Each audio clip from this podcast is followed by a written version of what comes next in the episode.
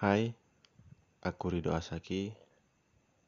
Selamat datang di podcast Zona Horor. Tak kenal maka tak sayang. Begitulah kata pepatah. Jadi di sini aku mau memperkenalkan diri dulu tentang zona horor. Jadi zona horor ini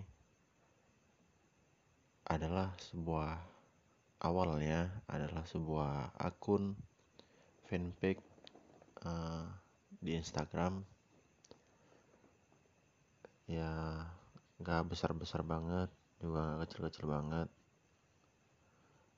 Nah dan juga zona horor ini mulai merambah ke YouTube.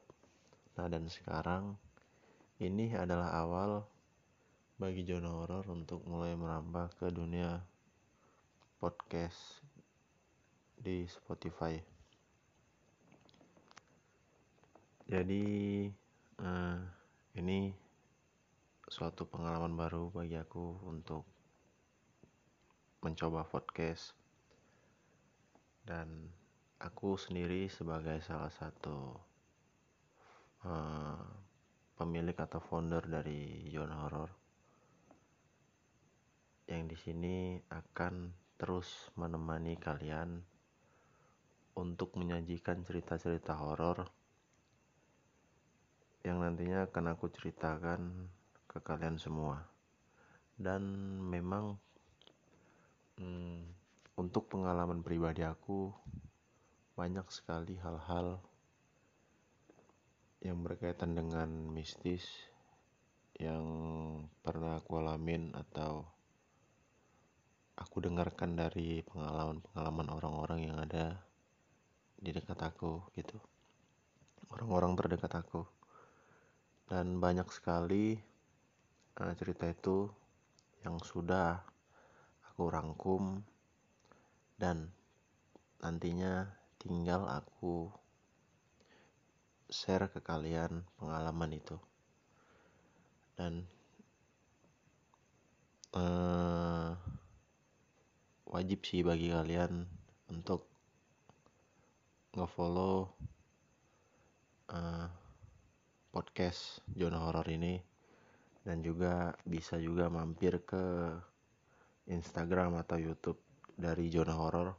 Namanya tetap sama zona horor. Jadi kalau bicara pengalaman horor nih ya dari aku pribadi sampel yang sampel aja sih yang pernah aku alamin sekali dalam seumur hidup itu uh, dulu nih. Waktu dulu aku waktu kecil aku tinggal di sebuah desa gitu kan. Nah jadi namanya adat dari bukan adat sih ya memang kehidupan kultur dari pedesaan itu ya kalau anak-anak kecil anak-anak SD kecil ataupun belum SD itu pasti ngaji di surau gitu kan atau di musola atau di masjid. Nah jadi pada waktu itu aku ngaji di salah satu surau bukan surau sih tapi rumah rumah orang gitu kan tapi dijadikan tempat pengajian untuk anak-anak SD Nah di sana aku ngaji uh, dan banyak kawan-kawan juga teman-teman yang lain yang bareng sama aku ngaji. Nah jadi uh, selesai ngaji singkat cerita biasa namanya anak-anak kan saat bubar itu pasti pada belarian gitu. Dan ini ngajinya ini dari mulai habis maghrib sampai jam 9 malam mungkin. Nah jadi hmm, pada waktu itu entah kenapa uh, pulangnya itu agak kemalaman gitu. Kayak jam setengah 10 atau jam 10 gitu kalau nggak salah. Jadi namanya udah kemalaman bubar uh, pasti namanya anak-anak tuh pada kabur gitu kan. Maksudnya pada berlari-lari gitu. Ninggalin orang ninggalin iseng-iseng lah ninggalin teman-teman yang ketinggalan gitu kan. Nah tempat ngaji aku ini itu di dalam sebuah gang. Dan di bibir gangnya itu itu ada pohon. Pohon sawo itu besar banget kan. Jadi anak-anak tuh wajib ngelewatin pohon itu kalau mau pulang atau mau pergi gitu ke ke tempat pengajian. Nah jadi saat uh, pada berlari-larian nih ada salah satu temen yang ketinggalan. Ada salah satu teman yang ketinggalan di belakang. Nah pada saat dia ketinggalan itu kami udah pada di depan semua nih lari. Jadi dia ketinggalan terus dia teriak tolong tolong gitu. Kami kira ya dia teriak karena ditinggal gitu kan. Ternyata enggak gitu. Dia tuh nggak bisa jalan di salah satu kakinya. Itu nggak bisa jalan. Dan tak kenapa tuh kayak kakinya tuh berat banget pas di bawah pohon itu. Jadi karena dia terus-terusan minta tolong akhirnya kami samperin dan ada salah satu orang warga situ yang nyamperin juga. Dan kebetulan salah satu orang warga situ tuh papa aku sendiri yang nyamperin. Nah jadi disamperin sama papa aku juga kan karena papa aku kebetulan keluar. Karena denger teriakan minta tolong teman aku ini tadi. Dia keluar dan kami samperin lah tuh rame-rame kenapa dia minta tolong. Dan ternyata katanya kakinya itu berat banget nggak bisa digerakin pada saat mau lari.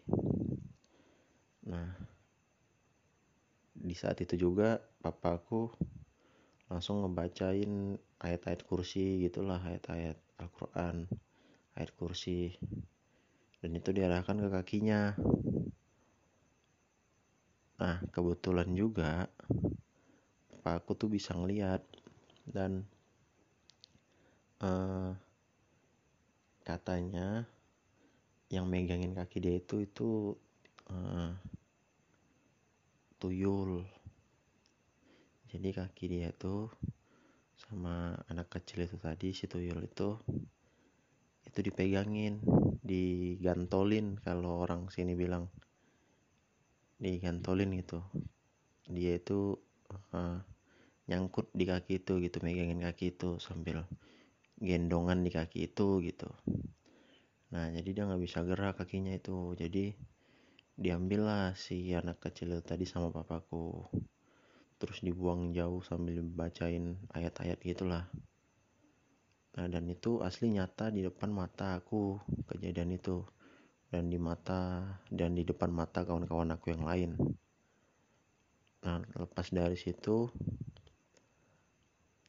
uh, anehnya kakinya ini langsung bisa leluasa bergerak. Terus